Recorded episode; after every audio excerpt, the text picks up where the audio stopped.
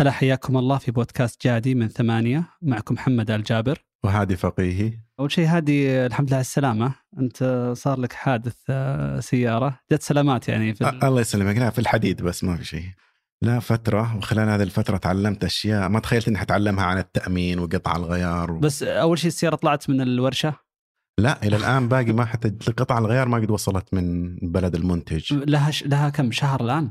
لها الآن شهر. الوكالة بتقول لي القطعة جاية في الطريق. مع إنه يعني سيارة يعني ما هي ما هي مستورده من برا ولا سيارة مواصفات خاصة ولا شيء سيارة يعني عادية موجودة في السوق. سيارة عادية بس تعرف اكتشفت شغلة. مم. إنه أنا مشكلتي بعد ما صار الحادث كل حزمة الأمان تقفلت أوه. عشان الصدمة كان شوي قوية. طلعت هذه القطعة حزام الأمان تقريبا تجلس في الجمارك شهرين حسب كلام الوكالة. أوف. لأنه فيها شيء يعتبر من المواد اللي ممكن تعتبر أسلحة فيها جزء متفجر ما أدري إيش ما أعرف اللهم هذا كلام الوكالة فالآن لازم أنتظر حتى إنه يصير لها تخليص أحزمة الأمان بس كيف ما عندهم قطع غيار في السعودية يعني ما هي فاهم السياره ال- ال- ال brand جديد ما هو موجود من قبل إيه.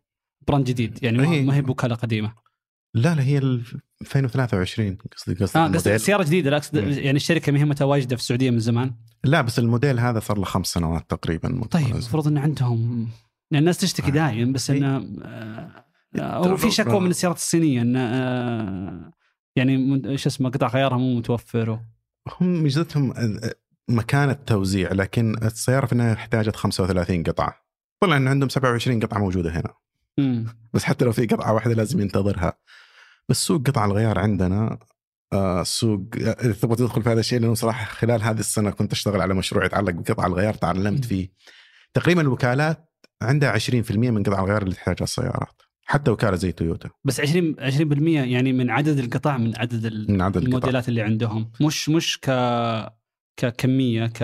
كنوع عندي 20% من من الأنواع اللي اللي تحتاجها السيارة. لا اليوم لو تبغى ترجع تبغى تجيب كل قطعة في السيارة. مفصلة الوكالة اللي جايبتها تقريبا عندها 20% 8% تروح تدورها من موردين ثانيين يشتغلوا مع شركات نفسها ويشتغلوا مع مصنعين اللي هم يسمونهم تجاريين. بس دقيقة هذه هذه كمتوسط بين الوكالات ولا كل الوكالات 20%؟ لا كمتوسط. تويوتا طبعا الأفضل في هذا الشيء ونيسان وهونداي بس غيرهم الصينيين الأسوأ الألماني أيضا ما في الوفرة. يعتمد على الوكيل بس الوكيل في الوقت الحالي ما يوفر لك منطقيا. يعني في بس قط... بدون ما نذكر اسم السيارة اللي عندك لكن آه، الناس اللي يحسب إنها سيارة فارهه لا لا بس آه، من أي دولة. أو ألمانيا. ألماني وش إيه. اسمه؟ وم- ومع ذلك أوكي لأن الناس تشتكي من السيارات ال- الصينية لأن إيه. غير متوفرة. بس يعني موجود أتوقع حتى الوكالات الثانية. هي في مشكلة. ألمانيا مركز توزيعهم لقطع الغيار موجود في تركيا. بس الوكيل في السعودية ما يطلب من تركيا. مشاكل سياسية وأشياء هذه. لازم يطلب من ألمانيا. عشان يطلب من ألمانيا هذه آه فيلم جديد. طيب هذه آه، يعني آه، ترى واحدة من المشاكل اللي الناس دائما يعني تخاف من موضوع السيارات الكهربائية كمثال موضوع إنه وين احصل قطع الغيار؟ وين التصليح؟ يعني اعرف واحد عنده تسلا شاريها من من وكالة تسلا اللي في دبي. ف يعني هو ما شاء الله حق تسلا وعارف كل شيء في السيارة وعارف كل شيء. لكن يوم آه، قلت له وش اللي يعني يسبب لك قلق شوي؟ مو موضوع الشحن موضوع إنه ولا موضوع الصيانة حتى بالمناسبة. موضوع إنه لو لا قدر الله صار حادث حتى لو مثلا خدش أو أو يعني في في البادي إيه. شيء آه عشان تتصلح لازم تنحط على سطحه وتودى إلى دبي والوكالة هناك تصلحها وحتى هم عندهم يعني جدول طويل. وأنا كنت أتابع آه، حساب صديق إماراتي في تويتر عنده تسلا في دبي فالمفروض إنه أقل شيء هو هناك جنب الوكالة وكذا. بس صار له حادث على أنه من محبين السيارة وحتى بعد التجربة هذه لا زال يمدحهم. لكن صار له حادث ووثق كيف إنه عانى إنه تصليح يطول القطع الغيار مش. موجودة وحتى ال- السيارة نفسها فيها مجموعة حساسات ومجموعة كاميرات ومجموعة أشياء. يعني تركيبها مو هو اللي تحصله عن- عند أي مكان. يعني أتوقع حتى في أمريكا ما إيه. تصلحها الا عند الوكالة. باقي ما تواجد السوق ال- أو البنية التحتية للسوق اللي الآن توجدها مثلا عندنا في السيارات العادية. عندك الموردين اللي يورد مباشرة غير الوكالة يتحصل يورد مباشرة من ال- الشركات برا. أيضا سوق الورش وسوق السيارات الثانية اللي هي ممكن تأخذها من سيارات تشليح وما إليه. كل هذا موجود وحتى ترى في أمريكا يعانوا من موضوع قطع الغيار. لأن ما زال مثلا سيارات تويوتا هذه في جهات ثانية بس تصلح قطع غيار. تصنع قطع غيار بس للسيارة. مم. وغالبا ما هي القطع الحساسة. وهذا مهم أصلا إذا الناس طالع في هذا إنه منتج تقني إنه من أهم اسباب نجاح اي منتج تقني إنه يكون عندك مكملات. كيف مكملات؟ إن أي منتج تقني أنت تشتريه تشتري معه أشياء تكملك عشان تقدر تستخدمه. أبسط شيء إنه الحبر مكمل للطابعة هذا المثال التقليدي. الآيفون الآن تبغى تتأكد إنه في شواحن وفي الأكسسوري الثانية. سوق الك... السيارات الكهربائية هو من الأسواق اللي باقي الان المكملات له إنه تصليح قطع الغيار وما عليه ما تطور. هو- طبيعي يعني حياخذ وقت. هو واحدة من يعني النقاط ال- اللي تباع على أساس السيارات الكهربائية إن فيها عدد قطع أقل بكثير من السيارة التقليدية. صح. وعدد القطع المتحركة وهذه النقطة اللي مرة مهمة مهم. يعني أتوقع فرق يمكن 100 ضعف تقريبا القطع المتحركة. فالسياره التقليدية فيها سيور وفيها الفلاتر كثير وفيها موضوع في ال gear الحال وفي التكييف برضه ميكانيكي وال... في أشياء كثيرة متعلقة يعني العمل فيها عمل ميكانيكي. بينما السيارة الكهربائية ما فيها كل القطع هذه حتى الراديتر ما فيه اللي هو برد السيارة. التكييف والأشياء هذه كلها كهربائية. وبالإضافة لذلك القطع المتحركة اللي هو الموتور اللي يحرك الكفر. أعتقد ما, ما الرقم في إنه- احتكاك. إي.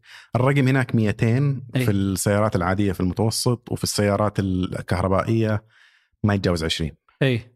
فال- فالفرق ضخم. خاصة إذا قلنا أنه ترى في القطع المتحركة نقطة مرة مهمة لأن هي اللي اللي فيها المشكلة. فما أقدر أحسب مثلا أن هنا في شاشة وهنا في شاشة لأن مو هنا الإشكالية. فالسيارة الكهربائية الموتور حقها في آه، يتحرك بالمغناطيس يعني في ال- ال rotation حقه أو الدوران حقه بالمغناطيس فما في احتكاك. فنظريا المفروض أنه ما يصير فيه مثلا تخبيط زي زي المحركات العادية. فالمفترض أنه أنه الصيانة أقل. وفعلا يعني مثلا سيارات تسلا ما في شيء اسمه صيانة دورية. ال brake pads أو اللي هو ال- ال- القماشات آه، حق الفرامل. طبعا هي يصير في احتكاك بين ال disc وبين ال- الفرامل فمع الوقت آه، خلاص يروح تروح القماشات لازم تستبدلها بالكامل. مم. في السيارة الكهربائية لما تبطأ الكفر يرجع على ورا ويشحن البطارية. ف...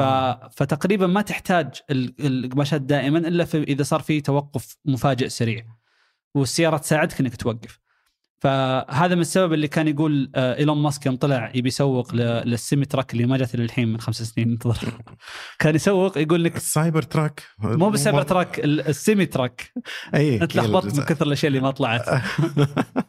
لا لا أنا عاجبني موضوع ال Cybertruck لأنه حشوف إذا هذه تنجح. من أقبح السيارات الموجودة. بس يقولنا ما تحتاج تغير القماشات ابدا لأنه بتر- آه، الشاحنه كبيرة حمولتها كبيرة فيصير كان مقاومة. يقول الرقم مليون ميل أو مليون شيء. ميل ما تغير قماشات. بس في المقابل إذا إذا صار لك حادث وتحتاج تبدل قطع في السياره تح- تحتاج تصلح البودي مصيبة لازم تروح لل للسيارة. زي ما قلت آه، مراكز الخدمة قليل ومع أن النموذج حقهم النموذج المبهر اللي أغلب الناس يتمنونه إنه ما نبغى الوكيل نبغى الشركة تجيب نفسها. تسلا في أمريكا وهذه ديرتهم. وهم يبيعون بأنفسهم ومع ذلك في أغلب المدن ما عندهم تواجد يرسلون لك ترى آه، سطحة تشيل سيارتك توديها للتصليح ترجعها يعني إذا ما أنت في في مجموعة من المدن الكبيرة في الغالب إنه مركز الخدمة 50 كيلو 60 كيلو في مدينة ثانية عنك. بس طبيعي هذه إنه شركة واحدة ما يمديها تبني البنية التحتية لصناعة كاملة. لو طالع في شركات زي فورد ولا جي إم غالبا الشركة ما تصنع إذا ما تصنع حتى 30% من القطع اللي تحتاجها. تحتك الموردين والموردين هذول تحتهم موردين ثانيين. في ثلاث طبقات من الموردين بس لقطع السيارة. هذا اللي يساعد إنه تكلفتها أقل يقدروا ينتجوا آه، عدد أكبر بكثير من السيارات الكهربائية. حيظل مسألة وقت لأن هذه البنية التحتية تنبني إنه الموردين اليوم اللي مقررين إنه أفضل لي أشتغل على السيارات العادية حيبدأ يفكر إنه في ربحية أكثر إذا بديت أتحول وأورد للسيارات الكهربائية. هذا ذكرني بقصة وقت الإنتاج لأول موديل لتسلا. كان Model S صح؟ آه، يعتبر أول موديل أساسي لأنه كان في قبلها ال Roadster أو سيارة آه، sport. Roadster. آه، بس إنه تركيب على على على لوتس اللي هي إيه. سيارة مهم يعني ال body مو تصنيع آه، تسلا. فأول سيارة من الصفر تسلا موديل إس. فهذا الكلام كان يدوروا على أحد يصمم لهم آه، مقعد المقاعد في السيارة. اي وطالبينها بجودة معينة عشان تعطي صورة الفخامة ويقدروا يبيعوها بمبلغ عالي. مم. كل العم... الموردين اللي تعاملوا معهم في النهاية اعطوهم منتج رخيص. مم. جزء منه إنه يقول له إنت كم حتنتج من هذه السيارة؟ عشان أنا أغير عملياتي وأروح إيه. أنتج منتج خاص فيك أنت بس حستثمر من ناحيتي. فاللي صار إنه اضطرت تسلا إنهم يسووا المقاعد من نفسهم بدل. ما يعتمدوا على موردين زي كل السيارات في العالم يعتمدوا على أنفسهم إنهم ينتجوها وهذا معناته إذا بكرة احتجت مقعد حيتأخر. يصنعونه. إي. إنهم اضطرارهم ان يصنعوا أكثر قطعهم وما يعتمدوا على موردين. مم. بس طبعا سوق السيارات الكهربائية الآن صار أكبر بكثير من تسلا أصلا. ما هي أكبر شركة إنتاج سيارات كهربائية في العالم الآن. كعدد سيارات؟ نعم. إيه كعدد سيارات. كقيمة؟ لا. لا زال الأكبر. اللي يفرق معنا العدد من ناحيه قطع الغيار بس بس دائما لما أحد يتكلم عن السيارات الكهربائيه آه، أتوقع آه، يمكن استهلاكي آه، في آه، لما أتكلم للمحتوى بيكون هنا أتكلم عن الموضوع العرب بالعربي يعني وش. اللي تتكلم يتكلمون عن السياره الكهربائية بالعربي. يعني أشوف أغلبهم ولا الوم صراحة بس يتكلم يعني على تنظيريا ومن باب على مستوى المستقبل والتقنية وش بغير بس لا ودي شوي يعني لو لو أنا بكرة شريت سيارة كهربائية هنا في. السعودية وش تجربتي بتصير؟ هل هو منطقي؟ هل هي غالية؟ هل هي أصلا أقدر أستخدمها في ال- في الجو عندنا؟ وين أشحنها؟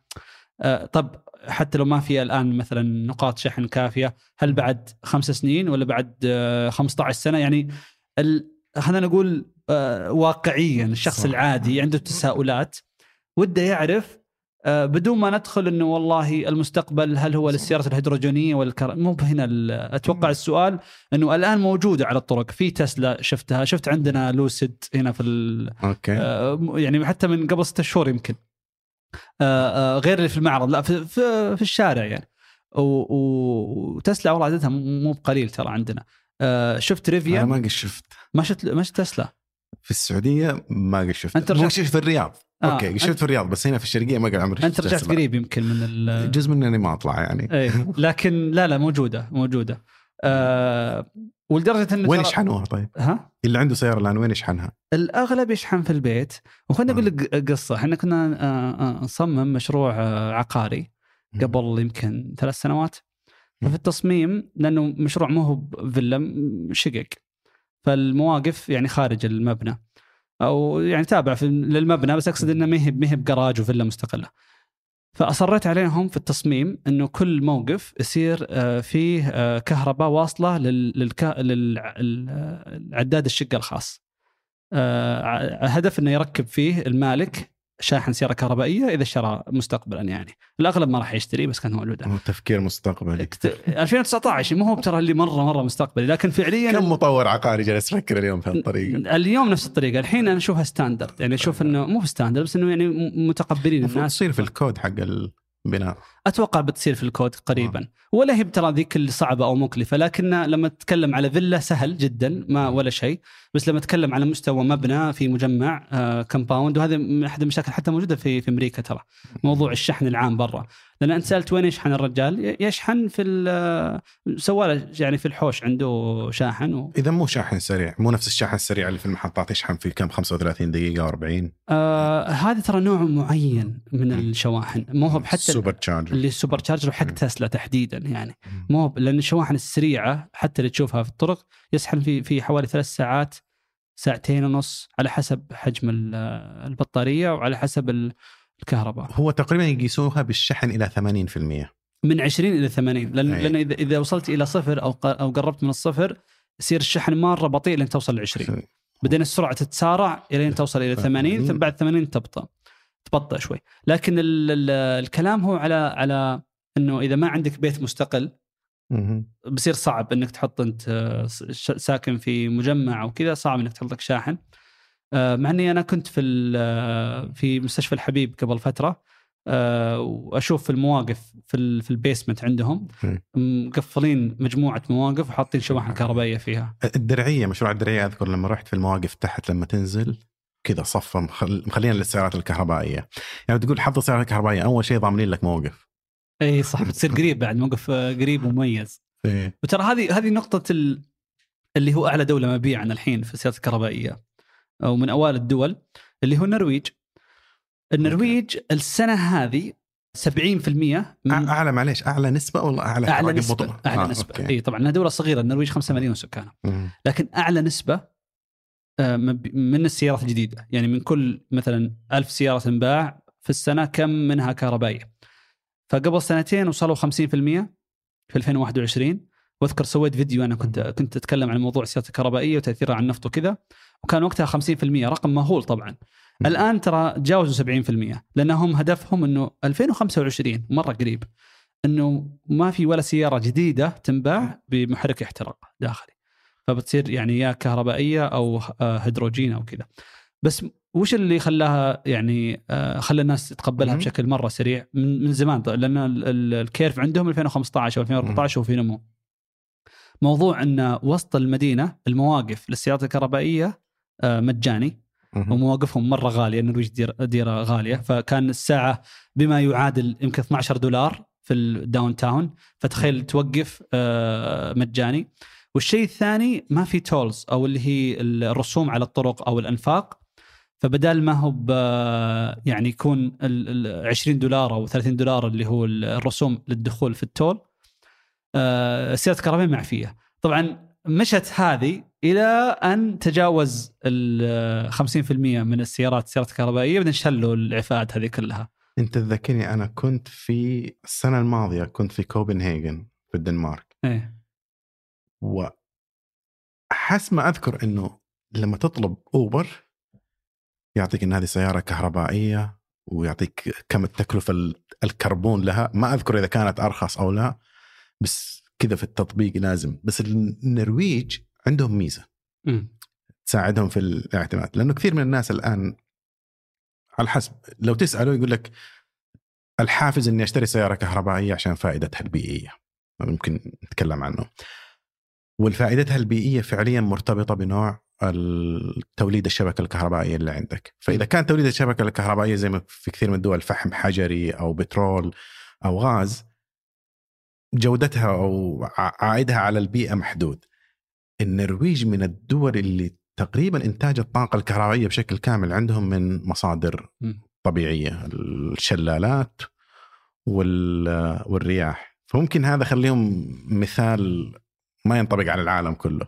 يعني هو هو أكيد هدف من الدولة وأكيد إنه يغلف بموضوع إنه في آه، هدف بيئي آه، والنرويج جزء كبير من التسويق البيئي اللي عندهم إنهم من أكبر الدول المصدرة للنفط في العالم وعندهم صندوق. بتريليون ونص كله من فلوس النفط ف ويحاضرون كثير عن موضوع البيئه آه، يمكن هم وجودهم داخل أوروبا والثانيين كلهم ما عندهم نفط. فيصير موقفهم محرج لما يتكلمون عن البيئة وهم أكبر مصدر.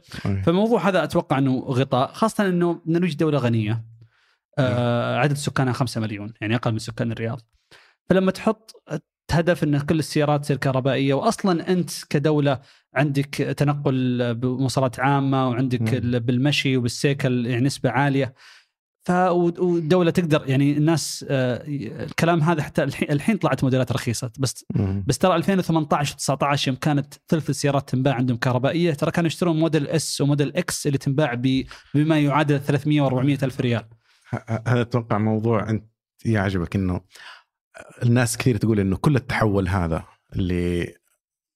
للاقتصادات المساندة للبيئة هو بس حلقة جديدة من الاستعمار الاقتصادي طبعا لن نشطح شويتين لكن فعليا كثير من الدول اللي الآن بدأت تتطور وتحتاج إنها تعتمد على تقنيات أرخص اللي هي التقنيات المعتمدة على النفط م. وهذه بدينا نتطور جيت تقول لنا لا غيروا.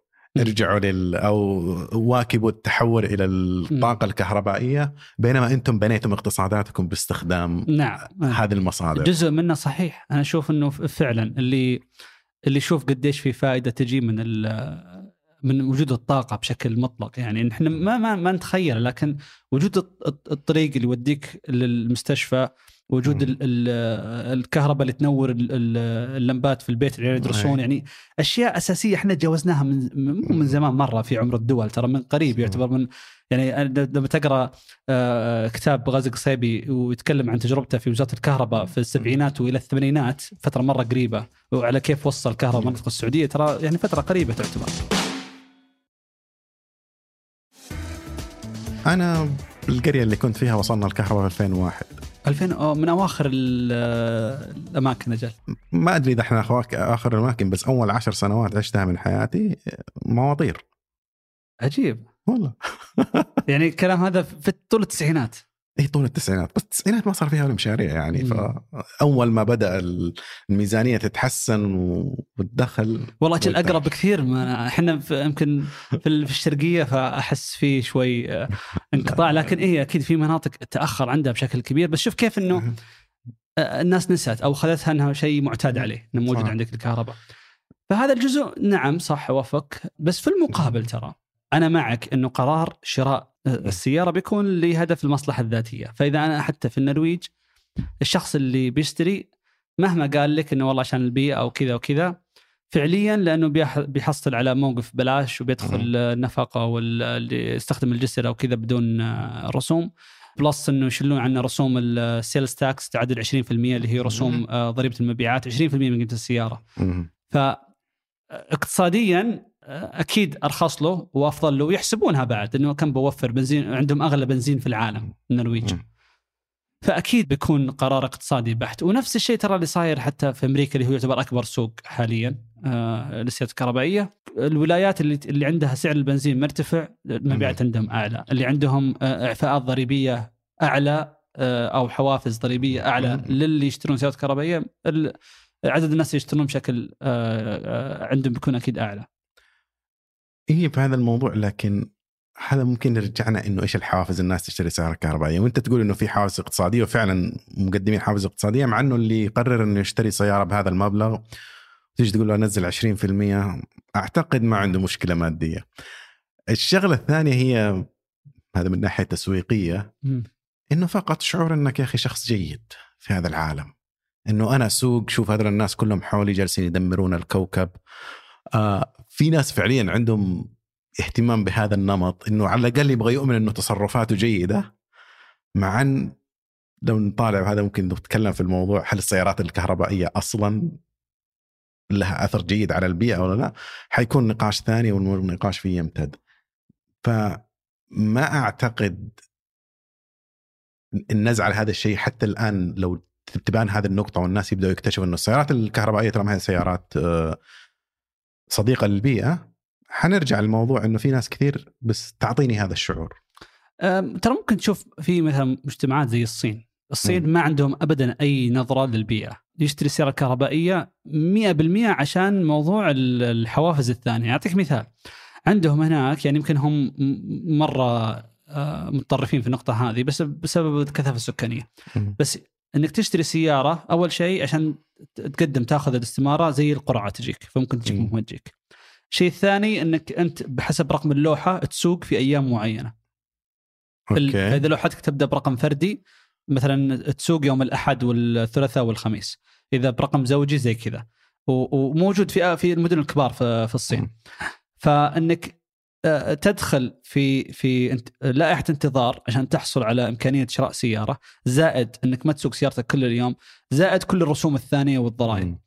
تخيل إن هذه كلها تروح إذا أخذت سيارة كهربائية في الصين.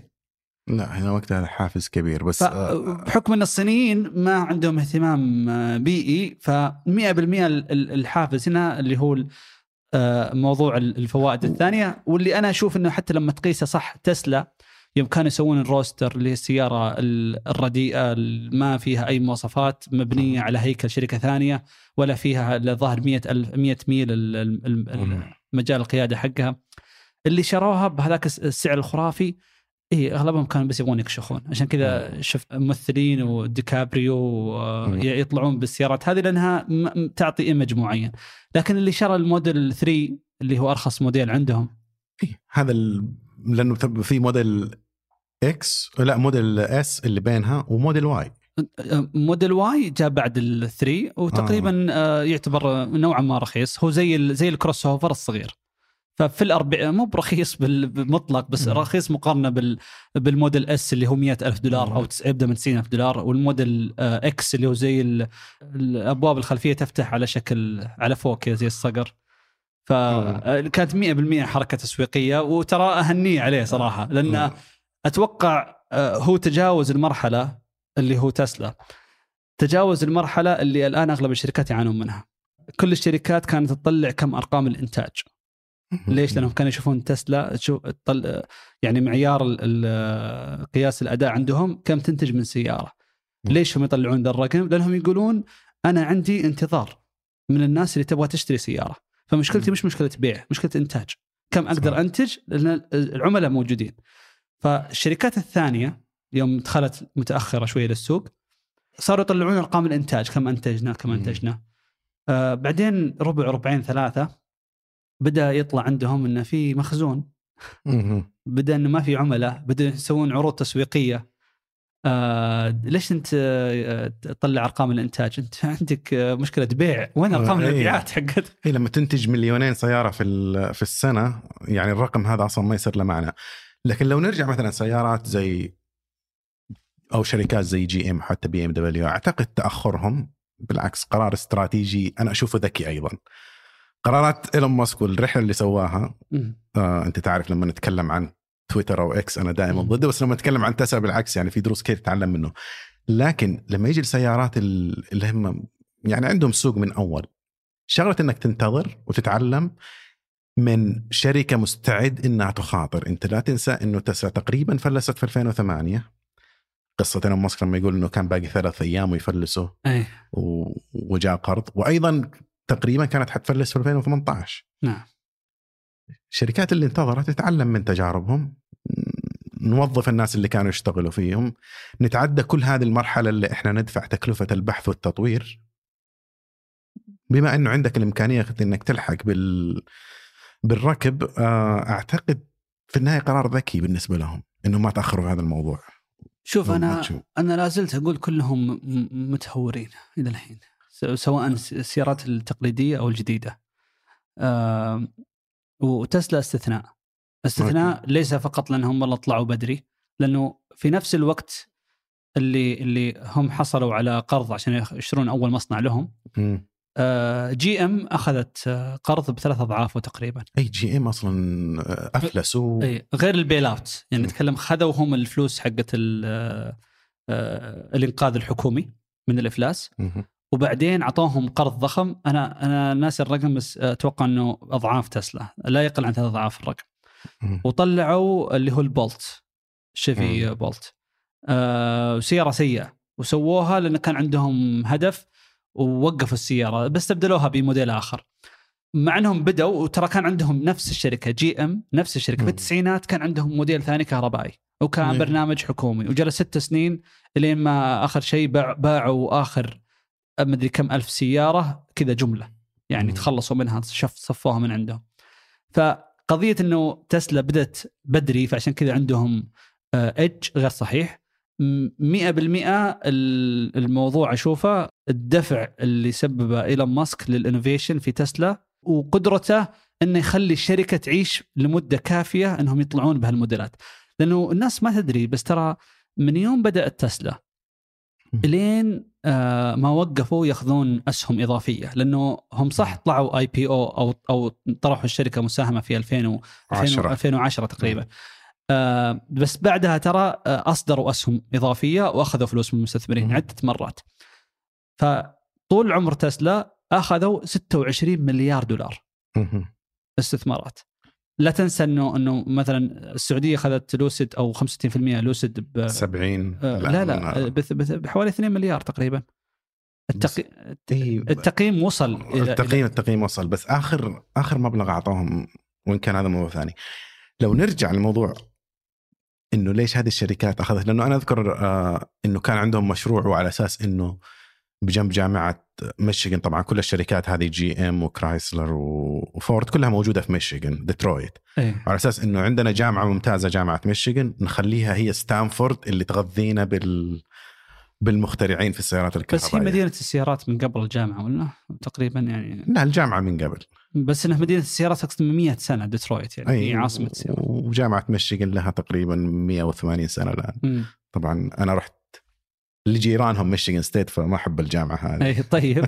بس هي جامعة يعني هل فعلا تخرج ناس ممتازين في صناعة السيارات؟ لا. آه يعني ممكن تخرج ناس هندسة بس إنهم حاولوا إنهم يخرجوا صرفوا من مبالغ كثير إنهم يكونوا هذيك المنطقة تصير السيليكون فالي حق السيارات الكهربائية. مم. وفي النهاية كلها ما اشتغلت لأنه كان محاولة من فوق مو شخص أشخاص مؤمنين فعلا. لكن فشلهم هذا رجعنا لمسألة إنه ليش الشركات الكبيرة ما تعرف تفتكر بعد ما الشركات تقريبا توصل حجم معين يا أخي المشاريع العظيمة هذه تحتاج فعليا العقلية اللي تخليك تؤمن هذه مسألة حياة أو موت مم. بينما إحنا عندنا منتجات جالسة تدر علينا دخل كافي وما أدري إيش خلاص ما نكترث بالمشروع هذا اللي ممكن ينجح أو يفشل بس ما يكون في نفس الالتزام من ال- اللي فوق في الشركة. فمنطقيا في هذه الحالة إنك تتعلم من الشركات الصغيرة من غير إنك تحاول تسويها، بالعكس اللي حاول إنه يسويها الشركات هذه من أول إنه إحنا نبتكر شركات كهربائية بدل ما نتعلم من شركة زي تسلا هذا كان قرار غير موفق وقتها. مم. يعني زي الآن كل الشركات اللي جالسة تحاول تتعلم من اوبن اي اي هم إيه. حاولوا يسووا مسألة الذكاء الاصطناعي بس تحتاج في مشاريع زي هذه تحتاج فعليا شركة صغيرة يكون فيها التزام وتجمع أذكى ناس في العالم ويشتغلوا على مسألة واحدة. الحين ال- ال- ال gap بين بين تسلا وبين السيارات الثانية الشركات مم. الثانية سواء تقنيا أو من ناحية نجاحهم في المبيعات ترى مهول بشكل طيب فورد أنت رأيت فورد فورد آه سووا الاف يعني 50 150 الآن عندهم. سووا الاف 150 اللي هو زي ال- ال- البيك اب هو ترى السيارة الأعلى مبيعا في أمريكا. الموديل يعني ال- ال- المو- الموديل اف 150 هذه المعلومة تصدمني جدا. آه بعدين طلعوا نسخة منها كهربائية. بس قبل ذلك طلعوا الماك اي اللي هو موستنج ماك اي الموستنج معروف الموستنج سيارة رياضية ومن من أشهر السيارات في فورد ومن أعلى مبيعا عندهم في هالفئة. فيوم حبوا يرجعون يسوون سيارة كهربائية. جاء ال CEO وأخذ اسم الموستنج لأنه هو أفضل brand عندهم. هنا نجي يعني شيء تهتم في موضوع ال- الاستراتيجية في في العلامه التجارية. وقال أنا بطلع آه، سيارة كهربائية تحت brand موستنج ولكن لأنك أنت آه، يعني أكيد أنت عارف إنه في المبيعات في نمو هائل لل SUV وال crossover. آه، بينما في انخفاض في السيارات التقليدية. السيدان هذه جالسه السياره السي- جالسة تموت. السيدان تحتضر. فسوى سيارة كهربائية باسم موستنج. هذه طبعا جريمة في حق ال- ال brand. والشيء الثاني انه سواه crossover في تحت اسم موستنج اللي هي سيارة يعني رياضية traditional يعني في التاريخ. ف ال- المحبين فورد ومحبين موستنج يعني آه، مرة مرة كانوا مزعلانين على ال CEO. ما بقى مكان ما تنمروا عليه فيه وفي تويتر وفي كل. مقابلة يجيبون له نفس الإشكالية. فهو قال كلمة صراحة. قال شوف إحنا دخلنا دخلنا متأخرين. تسلا ماخذة السوق. و- وحنا عشان نجي الحين آه، آه، يعني ناخذ أي شيء من الانتباه لازم نرمي كل الكروت اللي عندنا. فابدخل ب SUV اللي هو الأكثر مبيعا كموديل سيارة. وبستخدم اسم الموستنج اللي هو الأقوى brand عندنا. وبأرميه على على السيارة. يا تنجح تنجح يا إنك ترمي الاسم عليه هذا فعلا الشيء ال... تقريبا اللي ما ما ما ينفهم. لكن إنك تدخل ب SUV بالعكس. لا. SUV لأن ال- الاسم موستنج تحطه على. SUV هنا كانت الإشكالية. وبرضه نستخدم اسم الموستنج اي كان هذا الآن اسم كورولا اللي حطوه على سيارة الكروس. طيب فعليا ال- آه، السيارات الكهربائية اللي فورد باعتها مم. 70% ال- ال- الماك إي اللي هي تحت بموستنج آه، الفورد اف 150 اللي هو زي مم. البيك اب لكن نسخة مم. كهربائية. آه، لايتنينج أنخفض في الربع الماضي ب 46% زين اللي هو الربع الثالث. ف بس هذا الربع كان سيء لكل إيه. القطاع الكهربائي. القطاع كامل لكن ال- ال- القضية أن السيارة هذه نزلت السنة الماضية في 2022 وكان عليها طابور وكانت تنباع في السوق بأعلى من سعرها في الوكالة. خلال سنة واحدة أن تتحول من إنه ما في آه، يعني ما في معروض والناس تنتظر إلى انه يصير في انخفاض بما يقارب 50% هذه صدمة. بس أنا أشوف الصدمة مو- بهنا. بس أنت تصدق كلامهم مثلا هذا رئيس مرسيدس وأيضا إيلون ماسك كلهم يقولوا إنه معدل الفائدة هذا تبريرهم الواحد. تسلا لا زالت تنمو مبيعاتها. بس الربع الماضي انخفضت عن التوقعات اي انخفض عن التوقعات بس إنها لا زالت في نمو. غير. إنه إنه أرقام مختلفة يعني ترى تتكلم على فورد آه، يبيعون في الشهر أو الموستنج اللي هو 70% okay كان يبيعون في آه، في الربع ما يقارب 30 ألف سيارة في أفضل مم. أرباحهم مقارنة. بتسلا اللي تبيع في الربع ما يقارب نص مليون سيارة فإذا إذا أنت توك في البداية وتبيع أرقام ما يعني ما تجاوز كم 6 7% من مبيعات تسلا وتو الموديلات هذه في بدايتها يعني مم. ترى موديلات تسلا أغلبها ترى قديمة تعتبر. يعني الموديل 3 إيه من 2017 موجود ما غيروا حتى. سووا facelift بسيط لكن ما غيروا شيء فيه. ال Model Y برضو له ثلاث سنوات ينباع لكن ال Model S و X هذه لها فوق عشر سنوات تنباع. وأنت في بداية وجالس تعاني آه، خاصة إن ش- شركة زي فورد ترى تبيع ملايين السيارات. يعني أكبر هي كعدد سيارات أكبر من تسلا. فاذا أنت تبيع ملايين السيارات وجزء بسيط من مبيعاتك في السيارات الكهربائية وغير كذا إنك أنت جالس تخسر في كل سيارة جديدة تبيعها كهربائية. يعني مم. هذا الشيء اللي يقول لك اللي آه، عشان كذا يقول لك إنهم حتى الحين داخلين برضو بدري. ما هم ما هم جاهزين على السوق، السوق مو السوق مو بناضج، السوق يعطيك إنه في طلب لكن كله مدعوم بالحوافز الضريبية. هذا برأيي أنا. ومدعوم بالحوافز الضريبية. تسلا أيضا أنا هذا رأيي إنه في النهاية اللي أسس تسلا صح هم إيلون ماسك ما اسسها أسسوها ناس ثانيين بعدين هو اشتراها بس لو أبغى أروح بعدين في التاريخ نحط ضمن أسماء المؤسسين لتسلا لازم نحط البنك المركزي في أمريكا. طيب. والسبب بعد الأزمة المالية هم أعطوا البنوك قدرة لا محدودة تقريبا على الإقراض. السبب إنه الاقتصاد الآن يمر بحالة انكماش لازم نعطي قروض للأعمال الصغيرة وللشركات عشان يقدروا يحركوا الاقتصاد البنوك كان عندها كمية هائلة من القروض في النهاية ما حصلوا ولا يعني الناس اللي تشتغل في المفروض قطاع الأعمال وخصوصا الشركات الصغيرة اللي كان المفروض يأخذوا هذه القروض.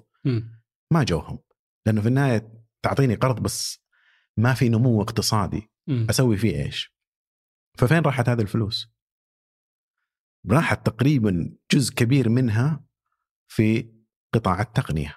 يعني واحد من الم- مو المؤسسين بس من الأوائل اللي في فيسبوك يقول إن الاستثمار اللي جانا في نشرة الإصدار مرحله ال IPO وحتى اللي بعدها 90% تقريبا منه من فلوس البنك المركزي عن طريق البنوك. إنه كل هذه ال- ال- الأموال وقتها اتجهت في سوق الأسهم وأيضا في نشر الاكتتابات الأولية، واحدة من المستفيدين في هذه كانت تسلا، يعني لو جت في الظروف الحالية هذه إنك تعمل نشره اكتتاب اوليه وإلى الآن ما عندك منتج وما عندك آه، قدرة على الإنتاج بشكل كبير ما كان حتمشي في هذه الظروف. يعني الحركة اللي حاولت بعدين تكررها الشركات الثانية زي اوبر و Airbnb ما قدرت بقدر ما استفادت منها الشركات اللي دخلت من البداية، فمرة ثانية أيضا فورد مساكين إنهم متأخرين مو بس من الناحية التقنية بس متأخرين من ناحية تمول هذا من فين؟ بس أنا ما ما ماني مقتنع بالسردية ذي صراحة أوكي خاصة على موضوع تسلا وإن أصلا ما طلعت إلا يعني في في دائما كلام يطلع خاصة على إيلون ماسك لأن يكرهونه كثير لكن يقول لك إنه هو نتيجة ل آه، مشاريع حكومية أو مساعدة حكومية. أنا أقول لك ليش أختلف تماما مع النقطة هذه. تسلا في بدايتها جلسوا خمس سنين وهم يصنعون اللي هو الروستر اللي هو أي. السيارة اللي هي كانت آه، مبنية على هيكل آه، من لوتس. آه، بعدين طلعوا الكونسبت حق أو الفكرة حقت ال- السيدان الأولي وكانوا فعلا معانين في إنهم يجيبون طلبات لأنه. كانوا يبغون يجيبون طلبات حجزت من الناس يأخذون تمويل من من. من الناس. لكنهم أخذوا الطلبات وأخذوا الجولة التمويلية قبل لا يكون في أي قرض حكومي.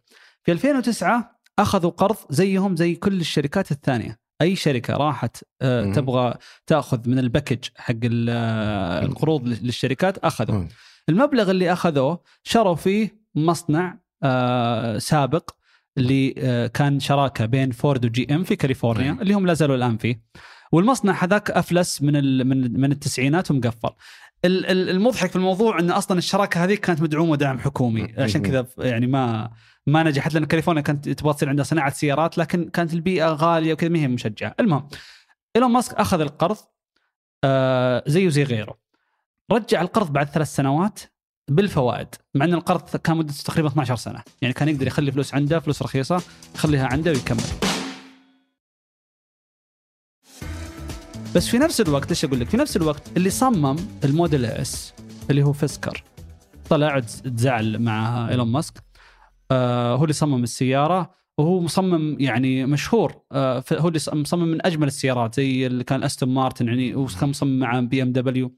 فسيارات جميلة جدا وعشان كذا إيلون ماسك جاب يصمم له السيارة مع إنه Model S ما تبين السياره حلوة لكن آه طلع وسوى سوى سيارة فيسكر وأخذ تمويل آه من نفس ال package. هو غيره ترى مو بس هو بس آه في سيارات ثانية آه زي نيكولا اللي هو خذ الاسم الأول من تسلا وفتح في سيارات شاحنه نيكولا اي هذاك أي. لا هذاك محتال. إيه. هذاك ضحك على الناس. يعني ما كان عنده سيارة ولا كان عنده أي موديل. فيسكر سيارة جلست ثلاث أربع سنوات. سيارة حلوة أجمل Model S. آه، جلس ثلاث أربع سنوات ما بقى معرض في السيارات في العالم إلا شل الموديل حقه العرض يعني. آه، ال concept وشلها ويحطها في المعرض في كل مكان في لوس أنجلوس وفي لاس فيغاس وفي شنغهاي. في سيارة واحدة. يستعرضها إنه هذا منتجنا أحجزوا استثمروا مع الشركة، الشركة فلست وقفلت بعد ما أنتجت يمكن 10000 سيارة. وشركات كثيرة في نفس الوقت طلعت وأنتجت. النقطة هي لما ترجع مثلا على إيلون ماسك بعد ال IPO وبعد ما سدد التمويل اضطر أكثر من مرة إنه ياخذ تمويل.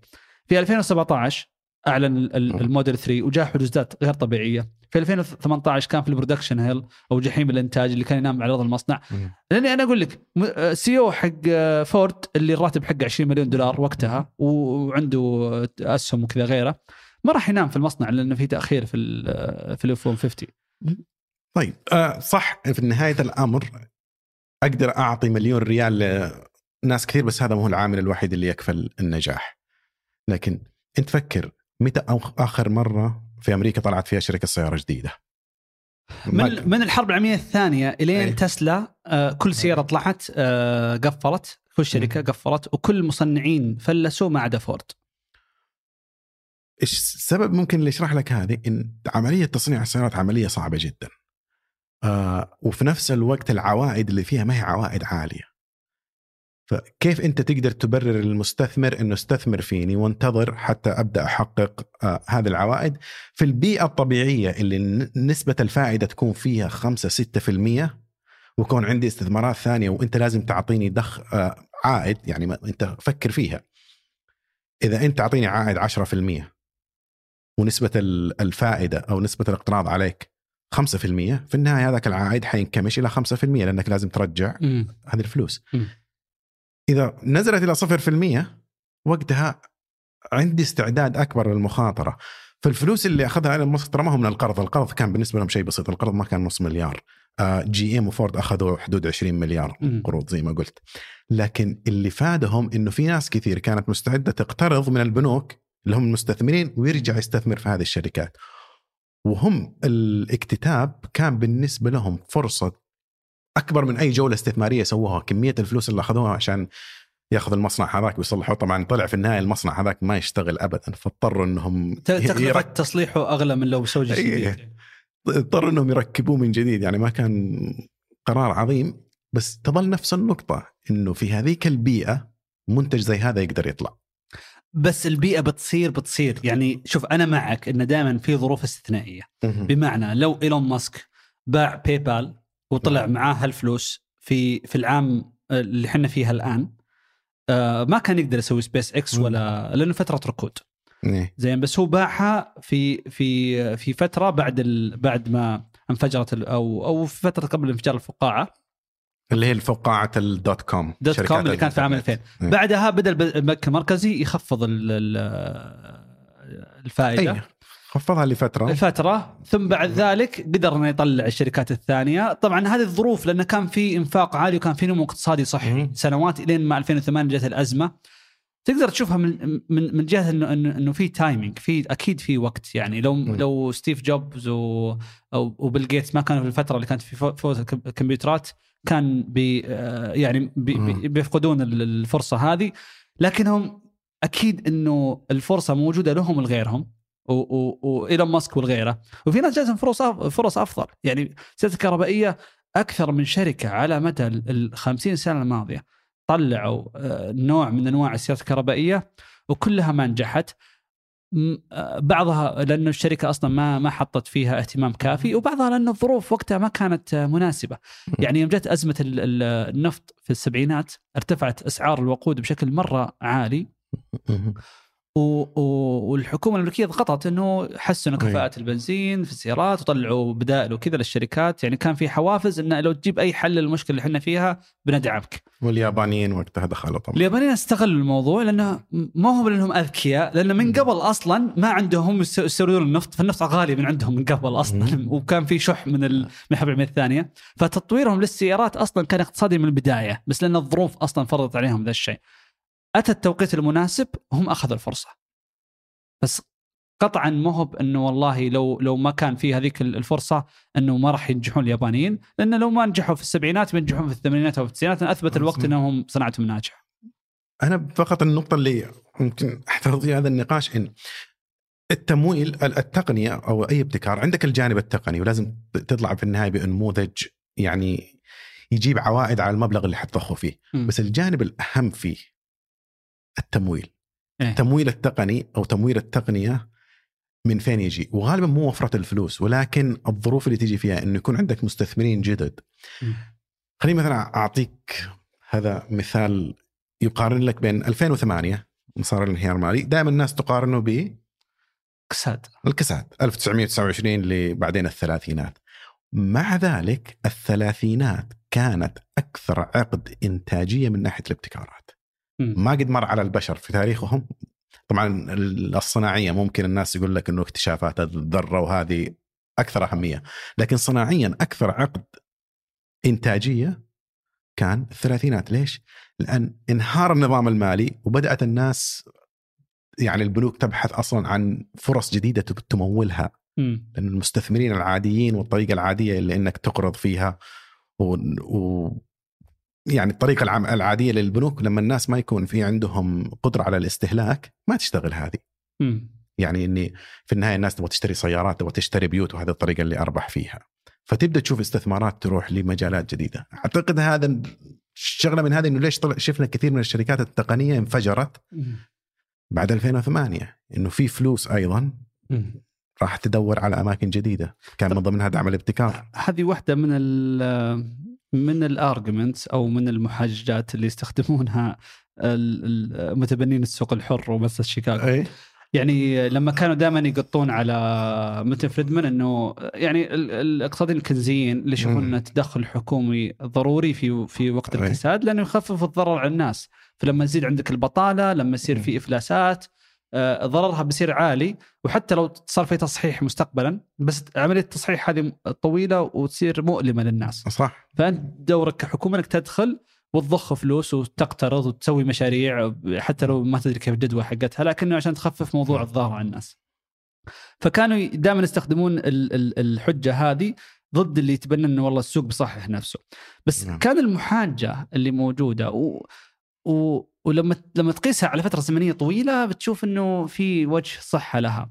يقول لك إنه لازم يصير فيه تصحيح لأنه. لما لما تحرم السوق من إنه يصير فيه تصحيح. أنت تخلي الأشياء السيئة والسلبية تستمر لفترة أطول من المفروض آه، والأشياء الجيدة اللي ممكن تطلع إنه ما ما تعطيها فرصة إنها تطلع. فلما يكون مثلا أنت ذكرت الفترة هذه فترة الثلاثينات لكن جزء من من التحليلات اللي كانت موجودة وفي دراسات عليها على موضوع مثلا أرقام البطالة اللي كانت موجودة في ذاك الوقت.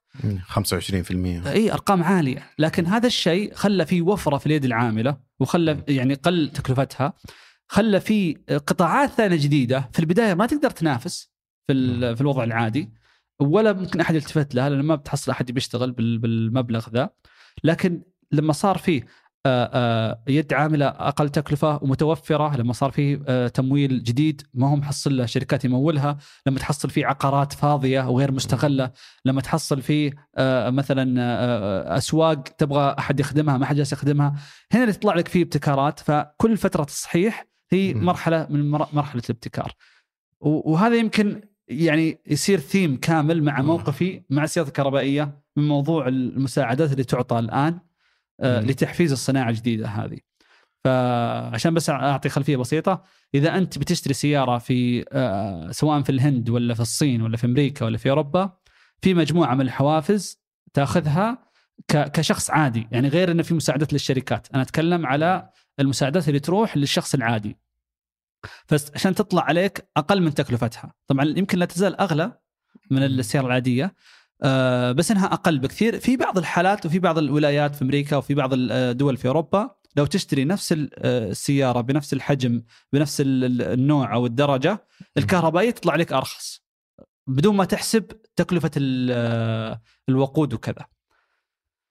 فالشيء هذا ظاهرة إنه والله خلينا نعطي حوافز للناس عشان تتقبل التقنية فيصير في طلب فالشركات تعجل في في موضوع نضج نضج التقنية اللي هو بيصير بيصير بيصير يعني ما في أحد بيختلف. إذا هي أفضل كتقنية بتتحسن مع الوقت وبتقل تكلفتها والناس تتقبلها وبيصير لها سوق.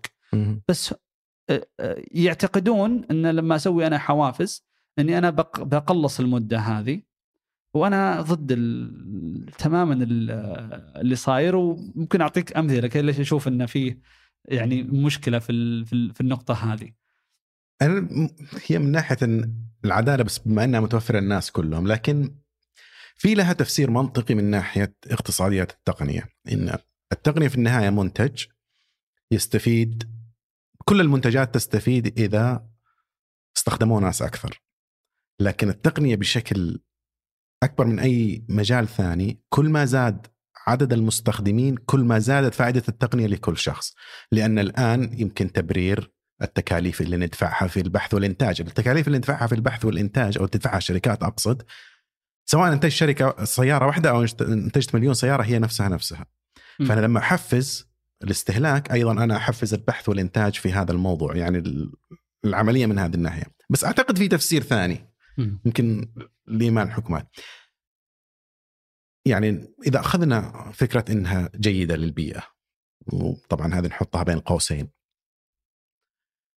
انت البيئة وحمايتها هذه صعب جدا تحفزها من خلال السوق. مم. لأن كثير من الفوائد أنت الضرر اللي تسويه على البيئة ما تحتاج تدفعه كتكلفة. مم. في النهاية تتحمل الحكومة عن طريق إنها تأخذ الفلوس الضرائب وتصرفها عليها. اليوم لو تبني أنت نفرض إنه إيش هي التكلفة الحقيقية للسيارة بشكل عام؟ مو بس تكلفة البنزين أنت اللي تعبيه في المحطة البنزين هذا اذا اليوم يضر البيئة ونحتاج اننا نصححه. الفلوس اللي حتدفع لتصحيح هذا الضرر أيضا تحسب من ضمن التكلفة. بس ما يدفعها المستخدم يدفع ما تدفع. بشكل عام. إي ما تدفع لأنها مصلحة عامة. مم. فالحكومات من هذه الناحية جالسه تفكر إنه لابد إني أنا أتحمل هذه التكلفة. تكلفة إني أوجه الناس لهذه التقنية. حتى لو إني ما أبغى أدعم الشركات بشكل مباشر لكن عشان أتجنب بكرة إني نفس التكاليف ادفعها لتصحيح الضرر اللي ممكن ينتج عن السيارات ال- اللي تعمل بالاحتراق الداخلي السيارات العادية اللي إحنا نسوقها. ففي منطق للموضوع بغض النظر عن إذا تشوف إنه جالس يعني يخرب السوق أو لا. طيب على على النقطة هذه أنا ودي أحط مثال عشان ما تصير آه، عموميات أوكي يعني الحين لو في واحد بيشتري سيارة كهربائية في أمريكا أول شيء بيحصل عليه قيمة 7500 دولار رصيد ضريبي. آه، من الحكومة الفدراليه. تمام وهذا مبلغ يعني مو هو بسيط إذا شفنا إنه في سيارات عند تسلا تبدأ من 35000 دولار فتتكلم على 7500 آه، من 35 20% من قيمة السيارة أو أكثر طاحت بس في في الاسترداد الضريبي من الحكومة الفدرالية. ضيف إلى ذلك على حسب أي ولاية بس في ولايات داخل أمريكا عندهم حوافز أعلى من الولايات الثانية. تاخذها فوق الحافز الفدرالي. فتاخذ تقريبا أتوقع من أكثر الولايات آه، يعني دعما اللي هو ولاية كاليفورنيا فتاخذ 3500 دولار تقريبا حطها فوق فوق فوق هذه 7500 هذه 11000 إيه. فما يقارب ثلث قيمة السيارة راحت من عندك من ناحية الحوافز. بس لازم نوضح في شغلة هنا إنه أيوه. إنه النظام الضريبي آه، في اللي يسمونها الخصم الضريبي ال- الأساسي. إذا كنت إذا كان الشخصين يعني متزوجين وبي- وبيت واحد ينخصم لك من الضرائب 24000 آه، مباشرة. فهذه تعتبر يسمونها ال standard deduction إذا مجموع ضرائبك في النهاية ما وصل لهذه ما فعليا أنت ما تستفيد من ال 7500 إلا إذا كان الخصومات اللي تأخذها في كل مكان تتجاوز 24000 مم. وقتها تروح تأخذ. حلو. آه، هنا. بالضبط تجيني إلى نقطة معارضتي وعلى فكرة ترى في النقطة هذه يمكن يتفق معي آه، في ناس في الجهة المقابلة لبعض قناعاتي. يعني في ناس يطلعون في أمريكا من ال من ال ال الجانب اليسار ويقولون بنفس ال- المحاججات هذه. فهو يقول إنه ليش نعطي 10000 دولار الشخص دخله السنوي مثلا 500000 إيه، ما يحتاج زين. مقارنة بواحد دخله أقل. شوف هذا هذا المستوى الأول. لكن ممكن تروح برضه وتقول إنه ليش أعطي واحد 10000 دولار؟ عشان والله هو اشترى سيارة كهربائية بدل سيارة آه، بنزين. بينما في واحد ساكن في مدينة زي نيويورك ولا شيكاغو ولا يستخدم الباص ولا يستخدم آه، الترام ولا أي وسيلة نقل عام. ويوفر علي 100% من الكربون اللي يروح. طبعا إذا كانت الوسيلة كهربائية. لكن يوفر علي 100% من الكربون ما ما يحصل على دعم. بينما اللي يشتري سيارة آه، أعطيه دعم 10000 دولار وهو في طبقة مادية أفضل من الناس اللي يستخدمون الوسائل العامة. فأنت كذا تأخذ من الفلوس ال- ال- ال- العامة وتروح تخصصها لفئة أعلى دخل ما يحتاجونها هذه هذه هذه ال- ال- ال- آه، النقطة إذا شفتها على مستوى السياسة العامة السياسة النقدية العامة لكن خلينا نجي برضو على شيء أقرب بعد. لأنه انت أنت الآن جالس تعطي الحوافز هذه للناس إنها تشتري الآن موديل السيارة هذه اللي كل سنة تتغير التقنية فيه. فانت خليت ناس أعلى يشترون أو عدد آه، أكبر من الناس يشترون بتقنية بت يعني آه، بدائية أكثر. بينما المفترض إنه تخليه بشكل عضوي عدد المشترين يرتفع مع تحسن التقنية. بس أنت تخلي نسبة أكبر من الناس يشترون في مستوى تقنية بدائي بس بس عشان يتحسن التقنية لازم الناس يشتروها ما هي بكلها مو بكلها ب... لا في مثل هذه من هذه التقنيات لأن انت تقيسها على على على ال network effect أو أو أو أو تأثير الشبكة. بس المشكلة في الصناعة في أشياء لازم تاخذ وقتها يعني في شيء يخلي إنه والله ليش ال- ال- إلى الآن مثلا البنية التحتية للطاقة الكهربائية ما تحسنت لأنه. عشان تبني بنية تحتية physical تتكلم على كيبلات مم. وتتكلم على transformers أو محولات كهرباء أو كذا يبغى لها وقت ما تطلع بسهولة أنت جالس تسرع الآن الضغط على الشبكة بمقابل إنه ما في نمو أو فترة نمو طبيعية عضوية للتقنية هذه نفس الشيء السيارات الكهربائية. في ناس تستفيد الحين من ال- من ال- آه،. الدعم وتشتري سيارات بإنتاج ما هو بجيد خلينا نقول. قبل آه، يعني إيش اللي يمنع إنه والله تخلي الناس يشترون؟ أنا متأكد إنه الناس اللي شروا تسلا نسبة. كبيرة منهم. لو ما كان في الدعم بيشتري لأنه ترى جت فترة الدعم راح آه وبعدين مع بايدن رجعوه. ما ما قلت مبيعات تسلا. هو ترى الناس اللي عندهم هذا الدخل يهتموا جدا بكيف يقدر يقلل فاتورته الضريبية. يعني هو يمكن يقلل الفاتوره الضريبية لأشياء أخرى. لكن آه، أول شيء يمكن اللي يسمعنا هنا نحتاج ليش هذا التركيز على أمريكا؟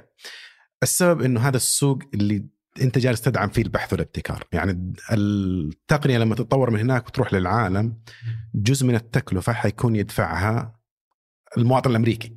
وت- وتصير الناس آه، تستفيد منها. فعشان كذا إحنا ممكن نركز عليها. لكن خلينا نشرح موضوع يمكن آه، التأثير الشبكي عشان نشوف كيف ينطبق على هذا الموضوع. خذ مثلا اليوم مثال اللي اللي يلعب آه، بلاي ستيشن هل قيمة البلاي ستيشن بالنسبة لك أفضل إذا كان فيه 50 واحد ولا إذا كان فيه 5000 واحد يستخدموه؟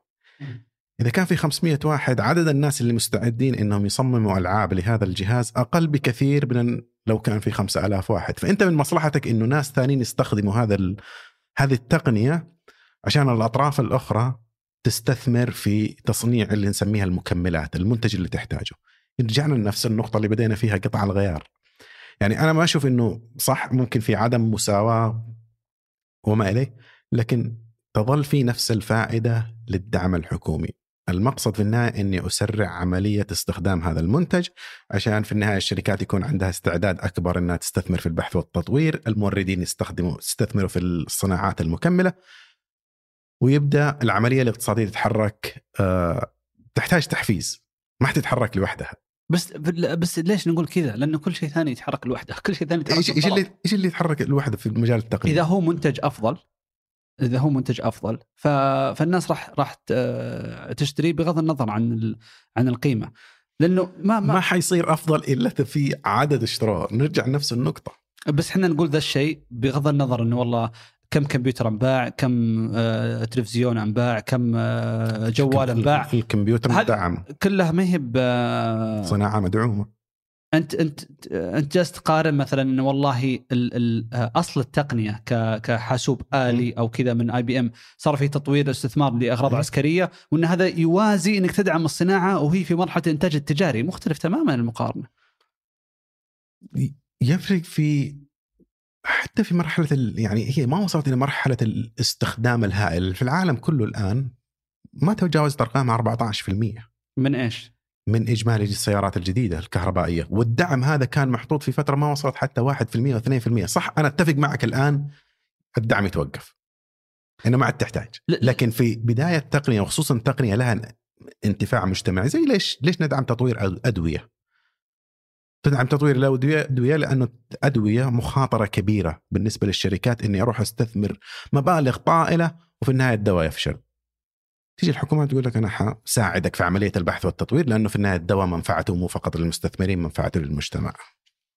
تطوير منتج جديد غير موجود أو كتقنية ما تطورت أصلا مختلف عن إني أطور شيء already في في في مرحلة الانتاج التجاري، يعني يعني لما بدأ الدعم للسيارة. الكهربائية نفس التقنية اللي موجودة في التسلا Model S هي اللي موجودة في كل سيارة اليوم موجودة أو حتى okay. السيارة اللي قبلها بطارية آه، آه، من آه، ليثيوم واصلا تدري ليش صارت رخيصة؟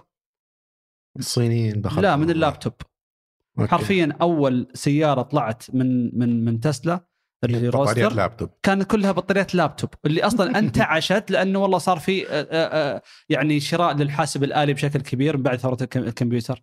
لكن لما نجي نشوف ال- التقنية من بعد الدعم ترى هي نفسها نفس النوع البطارية الليثيوم إلى اليوم نستخدمها. التحسين تحسين آه، آه، تدريجي ما هو ما هو. يعني حاولوا يصنعون بطاريات يمكن إلى الحين لا زلنا في مرحلة مبكرة لكن في ال solid state battery في أنواع ثا- ثانية من البطارية iron battery في في أنواع تحت التطوير ولا شيء منها وصل للسوق لكن ال ال حتى ال- النمو اللي صار في المعالجات والذكاء الاصطناعي ال- القيادة الذاتية وكذا ترى جات من التطور الهائل اللي صار في الشيبس واللي بسبب آه، انتشار ال smart phones أو الجوالات الذكية.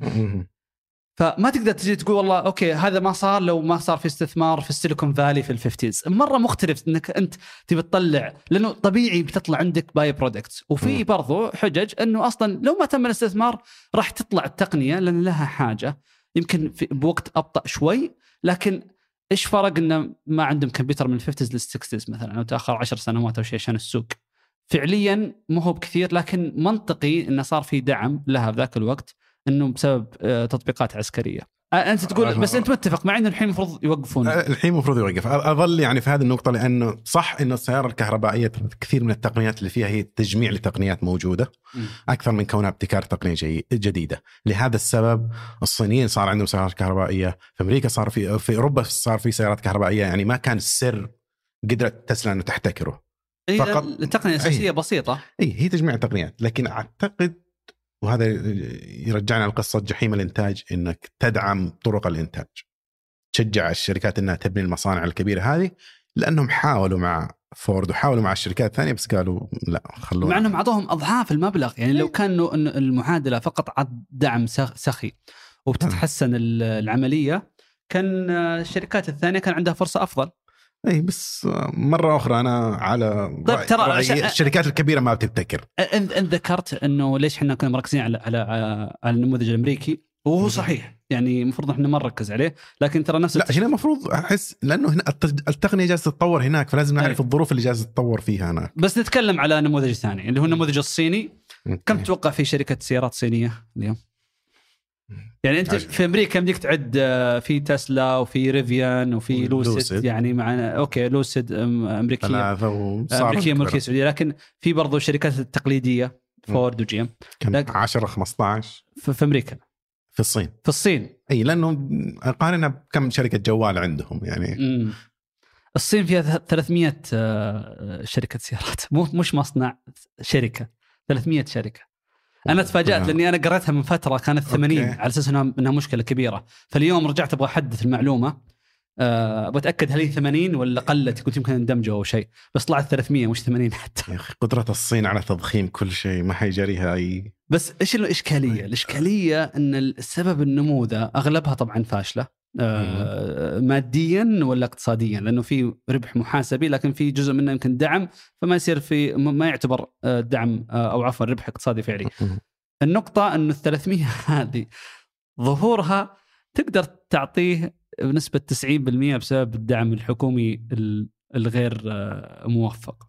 اللي صار إنه أول شيء صار في دعم بقيمة ثابتة على كل سيارة للمصنعين. إحنا قلنا كان في تحفيزات للمشترين انهم يشترون في, الصين ولذلك كان في في البداية صحيح كان في طلب كبير لهم. آه وفي سبب منطقي ترى في الصين أكثر من أمريكا حتى إنهم يدعمون ذا الصناعة. لأن عندهم إشكالية آه إن المدن فيها تلوث آه للهواء نفسه. يعني ما نتكلم على آه, آه، الاحتباس الحراري والشيء البعيد اللي, اللي لا, لا ما تقدر تتنفس. ما تقدر تتنفس. يعني وقت الأولمبياد في بكين في 2008 وقفوا السيارات وقفوا المصانع وجلسوا تقريبا ثلاثة شهور سوون استمطار صناعي عشان ينظفون الجو. عشان تطلع السماء زرقاء لأن لهم سنين ما شافوا السماء زرقاء. أوكي. فعندهم مشكلة اللي هو سموك هذه. لو تدخل الآن على المواقع اللي تقيس لك زي weather dot com تقيس لك جودة الهواء في المدن. هذه بتحصل إن أغلب المدن الصينية الكبيرة يعني في أسوأ التقييم. ف... لدرجة إنه كانوا ما ما أقطع ولا أقطع والد يقولوا آه، شفت لما حطوا شاشات توري الناس الغروب؟ إيه. إنهم نسيوا إنهم يشوفوا الغروب. إيه. الوضع مأساوي. آه أنا أذكر شفت الوضع في بكين وشنغهاي مرة مرة مأساوي كان. وهذا الكلام يمكن قبل 10 سنوات أو أكثر 12 سنة الحين أسوأ بكثير. الكلام فمنطقي عندهم إنه يقول لك إيه أنا لو حتى السيارة الكهربائية تكلفني أكثر أنا أبغى 100% من الانتقال داخل مدينة كهربائي يصفي لي الجو بغض النظر عن الاحتباس الحراري وارتفاع مستوى المياه في البحر آه، موضوع آخر. ف آه، قضية الصين خلينا نقول في حافز منطقي أكثر حتى. لكن الحافز آه، آه، جاء بشغلتين. أول شيء حافز للشركات إن أي سيارة تبيعها لك مبلغ مقطوع بغض النظر وين تبيعها وبغض النظر عن نوع السيارة أو أو شكلها أو حجمها. النقطة الثانية أنه صار في حوافز من الحكومة المركزية إلى المقاطعات. لأن الصين فيها حوالي 50 أو أو أو 55 مقاطعة وترى فيها استقلالية أكثر من الناس تتوقع داخلي أقل شيء على مستوى الإدارة الاقتصادية. فاللي صار إن آه، كل مقاطعة صارت إنه تبغى عندهم هم آه، شركات صناعة سيارات عشان يأخذون الميزات هذه ويدعون من الحكومة المركزية. فما يهم انه أصلا في جدوى اقتصادية بيقول تعال اسمع إحنا نعطيك أرض بلاش نسوي لك كذا وكذا وكذا بس صنع عندنا سيارة بس بالاسم. ففي مقاطع لو تدخل على اليوتيوب وبتشوف تصوير بالدرون إلى ساحات وسط الغابة كذا فيها سيارات مرمية سيارات جديدة ما ما حد استخدمها. ما فيها أي عيب. اللهم إنه ما في طلب عليها ما في أحد يشتري. لأنهم صنعوا كمية عالية من السيارات بجودة جدا رديئة آه، مواصفات سيئة وصارت الحين آه، تعرف إنها صارت شبه منتج تقني. فإذا أنت إنتجت كمية كبيرة ما انباعت السنة هذه خليتها للسنة الجاية، السنة الجاية أنت تنافس بموديل قديم. فصح السيارات المحرك الداخلي الكفاءة فيها ما ترتفع بشكل كبير يعني على مستوى خمس سنوات حتى إلى عشر سنوات يعني ما في ذاك القفزة الخرافية. بس ممكن المدى حق السيارة يقفز من 200 ميل إلى 300 ميل في سنتين أو ثلاث سنوات. فتصير السيارة يعني 50% أو 30% كفاءتها أقل. فإذا ما بعتها هالسنة ما أنت بايعها السنة الجاية لأنك تنافس مع موديلات جديدة. فالتحفيز اللي صار أنه فيه كمية سيارات رديئة انبنت في فترة مم. قصيرة وعدد سيارات كبير الشيء اللي ما يخلي فيه ابتكار لأنك أنت عشان تخلي الوضع في السوق طبيعي طبيعي إن في ناس بيصيرون أذكى من أو أشطر من ناس ثانيين فشركتهم تكبر شوي تأخذ حصة أكثر أرباح أكثر بيستثمرون أعلى في في البحث والتطوير وهذا بيعطيهم ميزة م. تنافسية والعملية تتراكم إلين ما يصير عندك لاعبين أقل في في السوق صح. ف آه، رقم واحد يبيع ضعف رقم اثنين رقم اثنين يبيع. هي هي يعني الترند طبيعي يصير. بس اللي اللي صار لأن في تدخل في الدعم ودائما يصير إنك ما تحسب العواقب ولا تحسب التراكمات الثانية فطلع عندك 300 سيارة جالسين يكسرون سوق بعض ولا هم جالسين يطورون المنتج. فهنا يصير مرة واضح الكلام اللي تكلمت عنه قبل شوي. هو الدعم الحكومي يعني في النهاية سلاح المعظم يستخدمه بشكل سيء خصوصا إذا كنت في اقتصاد معتمد شويتين على إنه تقريبا مخطط. موجه بشكل موجه. كبير. أو في لا. محاولة لتوجيهها في محاولات التوجيه و- واعتقاد دائما إنه يمكن السيطرة على ال- الانتاج ما يمنع أيضا إنه تسأل إيش النتيجة اللي يتوقعوها إيش النجاح اللي يتوقعوه يعني إنه من 300 سيارة طلعت لنا ثلاث أربع ناجحة ممكن تنافس عالميا ممكن هذه نتيجة ناجحة. آه بالنسبة لل... للي وضع السياسة هذه. إنه في النهاية في نهاية الأمر سوق السيارات سوق ما يحتمل لأنه لازم من الأسواق اللي لازم تبيع كمية كبيرة عشان تغطي تكاليف المصانع وتغطي تكاليف البحث وال- والتطوير اللي نعم. فيه. في في أسواق ما تتحمل عدد كبير. فطبيعي جدا إنه 300 واحد ينقصوا إلى عدد كبير أعطيك معلومة شكلك ما انت مرة داخل في السيارات لكن آه، أي. واحدة من آه، أشهر سيارات تويوتا اللي هي السوبرا سيارة رياضية أي. فانقطعت من التسعينات يعني آه، آخر موديل طلع وكان مرغوب جدا يعني له جمهور أذكر الموديل. الكراسيدة في التسعينات ال- السوبرا انقطعت ورجعتها تويوتا الآن لكن. من كثر ما التكلفة إنك الآن في الوقت الحالي تنتج سيارة جديدة يعني تطلع موديل جديد ياخذ مبلغ كبير وسنوات من التطوير. على كبر تويوتا وهم أكبر مصنع سيارات في العالم. اضطروا إنهم يتعاونون مع بي إم دبليو ويسوون آه، platform مشترك بينهم. فالسيارة سوبرا نفسها تباع آه، بماكينة من تطوير بي إم دبليو وقطع داخلية مشتركة. فكل شركة تنتج آه، يعني مجموعة من القطع والشركة مم. الثانية آه، تنتج مجموعة ويصير الإنتاج مشترك بينهم وتنباع نفس يعني نفس الموديل ينباع تحت اسم تويوتا وتحت اسم بي ام دبليو اللي هو تحت آه، باسم سوبرا أي. و Z4 بالبي ام دبليو تحالفات شائعة ترى في السوق. على أي. حجم السيارات هذه إيه. طبعا نعرف إحنا آه، نيسان و, تحالفها مع رينو الفرنسية. على كبر نيسان وقس على ذلك مرسيدس وكرايسلر اندمجوا في وقت معين. في وقت معين. إيه. كان استحواذ برضو. من أسوأ الاستحواذات في تاريخ الاستراتيجي بما إنك جبت طاري تويوتا هذه الشركة اللي لازم أتوقع نغطيها الآن. إيه. ليش؟ مع إنهم هم من, من الأوائل يعني دخلوا بال hybrid بالبريوس. ون- وناجحين و- يعني. وناجحين بس لما يجي الموضوع السيارات الكهربائية مترددين جدا وما هم مقتنعين. مم. شوف هل هل هنا سؤالي لك هل اليابانيين حيخسروا في السيارات زي ما خسروا في في أجهزة ال الأجهزة الإلكترونية الشخصية اللي صار لهم إنهم الجوالات والكمبيوترات انسحب عليهم. والله شوف آه خيارهم صراحة غريب. وأتوقع إنه آه هي مقامرة معينة. آه يعني أنا من قراءتي إنهم دارسينها عارفين بالضبط إيش يسوون. هم عندهم قناعة يقولون إنه أول شيء المستقبل مو هو بنوع واحد من أنواع البطاريات أو من أنواع السيارات ال- البديلة. فهم مرة مقتنعين بموضوع الهيدروجين والسعودية تستثمر فيه بشكل كبير. أي. واللي ما يعرف الهيدروجين أنت تعبي بزي السائل كأنك تعبي بنزين. لكن داخل السيارة الهيدروجين يغذي آه، fuel cell أو آه، خلية الوقود. خلية وقود. خلية الوقود تحرك محرك آه، أو موتور نفس حق السيارة الكهربائية. فنظريا إنهم يشتغلون بالحركة نفس الشيء بس بدل من السيارة الكهربائية تشحنها بالكهرب والكهرب على طول ينحط في بطارية ثم بعد ذلك يروح يتوجه آه، للموتر. ال- آه، الهيدروجين تعبي هيدروجين الهيدروجين يتحول إلى إلى موية وال آه، ويحرك لك ال- الموتور طاقة تحرك الموتور. ما أنا متأكد إني أبغى أركب في سيارة فيها هيدروجين. مو ترى في محطة هيدروجين هنا في أرامكو في الظهران. يعني محطه محطة وقود. تخيل تدخل في حادث.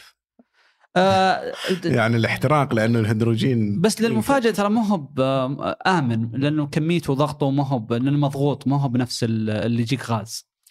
بس عندهم خط كامل مخصص للهيدروجين. جميل؟ لكن شغالين ومستثمرين في نوع جديد من البطاريات اللي هو ال solid state batteries أوكي هذه أسمع عنها. إي فال solid state battery أنا بحاول أعطي أقرب يعني ترجمة قريتها للمصطلح لكن ال- البطارية هذه ميزتها إنها بدل ما يكون فيه آه، أشياء سائلة داخل من ال polymers أو ال electrolytes آه، تصير ثابتة بالكامل. فأول شيء شحنها سريع جدا. الشيء الثاني إنه طاقتها الاستيعابية للطاقة أعلى بكثير من البطاريه اللي هي موجودة الآن اللي معتمدة على الليثيوم الليثيوم battery آه، والشيء الثالث الأهم إن عمرها طويل جدا. فالأرقام طبعا كلها نظرية الآن لأن أغلبها يعني في prototypes صغيرة فما تقدر تقيس عليها. ولكن إذا مثلا الليثيوم battery اللي هي الآن موجودة في في في السيارات تتحمل مثلا 500 دورة من الشحن فبالمقابل يمكن تشحن 10000 مرة في الثا... ما أدري البطارية الثابتة خلينا نقول الطاقة الثابتة. ال solid state battery أيضا عمرها الافتراضي البطارية حتى في جوالنا الحين بعد استهلاك مثلا سنة أو سنتين على حسب استخدام الشخص ينقص إلى 80% 70% من طاقة استيعاب البطارية. آه، في ال solid state لا عمرها افتراضي جدا طويل. موضوع الحرارة بطاريه الليثيوم تأثر كثير بالحرارة فإذا كان وقت البرد تحتاج تسخين وهذا اللي يسحب حرارة إضافية وقت الحر برضو تفقد كهرباء وتحتاج إلى تبريد. فبال solid state كل العيوب الرئيسية يعني تماما تروح من عندك. طيب where is the catch زي ما ال catch انهم ما يعرفوا يسوونها ب scale كبير الحين.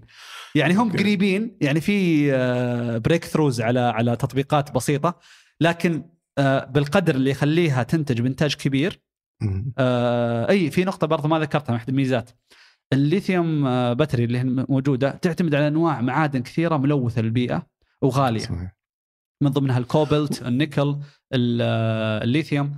ال solid state لا أغلبها مصنوع من الحديد ف you can recycle تقدر إنك تدويرها. وبرضو إنه يعني أقل تلوثا وموجودة متوفرة في أماكن أكثر. فأتوقع تويوتا يقولون أوكي أول شيء التحول لسيارة البطارية بيصير أطول مما يتوقع. آه، إحنا بدينا نشوف السنة هذه في بطء في البيع انخفاض في بعض الموديلات. فيمكن كلامهم صحيح. ممكن بدل ما الناس تتوقع إنه في 20 35 في 20 40 100% من السيارات تنباع كهربائية غير صحيح. يمكن ناخذ 50 60 70 هو سنه هو التوقعات مش اعطيك آخر التوقعات 2035 توقع إنه يصير 70% مرة 50% متفائل. 50% 2050 يصير 70% مرة متفائل. فتويوتا يقولون إنه ترى يمكن أنتم مبالغين بكثير ويمكن ناخذ 50 60 سنة علشان نوصل إلى رقم يسوى. ومن هنا لذاك الوقت قد صار في أي نوع من التطور في solid state battery فالشركة اللي, اللي قضت 20 30 سنة تستثمر في تقنية الليثيوم بس هي متأخرة. آه بالإضافة إنه جزء كبير من تصنيع السيارة ترى كجودة كان تصنيع سيارة عادية يعني فهم إذا إذا لا زال عندهم حصة سوقية أكثر ويبيعون في السنة 10 مليون سيارة ففرصتهم إنهم يتحولون وب يعني آه، بسهولة إلى إلى إلى الأنظمة الجديدة. أحسن من مثلا نظريا سيارة زي تسلا بنى مصنع ب 5 مليار دولار. فلو طلعت بكرة solid state battery ما أدري كيف بيحول خط الإنتاج ويحول طبعا مو على تسلا حصريا بس كمثال يعني. هو مشكله تويوتا في هذه الخطة مع إنها منطقية إنه ترى نص مبيعاتهم تنباع في أسواق جالسة تحفز السيارات الكهربائية، نص مبيعاتهم اللي في أمريكا آه وفي أوروبا. هذه أسواق صح. أمريكا ممكن مو بالقدر اللي في أوروبا جالسة تحفز استخدام السيارات. فإذا بدأت حصتهم ومبيعاتهم هناك تتراجع م. نفس العوائد المادية اللي أنت تحتاجها عشان تستثمر في هذه التقنيات الجديدة حتبدأ تتناقص.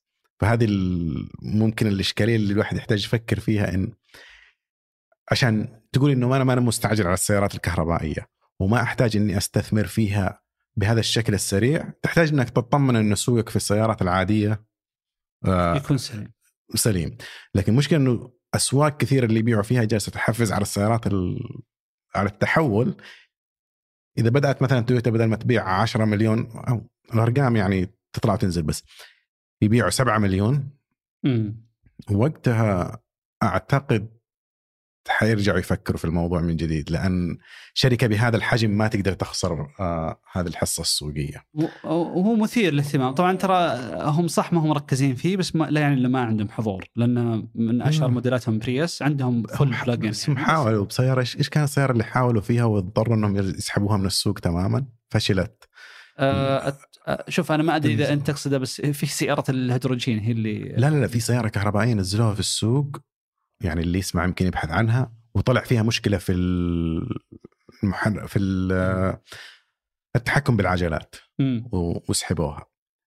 لكن في شيء يخدمهم إنه ترى أمريكا دولة ما قد استثمرت في بنيتها التحتية. آه الشبكة الكهربائية ما تتحمل ما تتحمل إنه التحول يصير بسرعة. آه بشكل بشكل سريع صح لا. آه بس آه ترى ممكن لا بشكلها الحالي. فهذا من حيبطئ. الآن إيه بس ترى ممكن تتغير الأمور ما تدري يعني بس حياخذ وقت لأن على بال ما تسوي هذه التحولات وخصوصا إنها تيجي من قطاع أبطأ ما هو بالقطاع اللي فيه الابتكار السريع اللي يصير مم. في هذا ما أعتقد حيصير في شيء. يعني حيتباطأ الأمر. طيب بس. جميل. آه يعطيك العافية. أنا شو اسمه آه، أقدر أطول في السيارات الكهربائية لكن حتى فتحت موضوع بنية تحتية مم. وممكن نشوفها في آه، في جلسة ثانية إن شاء الله مع الحلقة الجاية تكون سيارتي طلعت ف... يا إن شاء الله طمنا بالله بإذن الله. يلا. يعطيكم. العافية وشكرا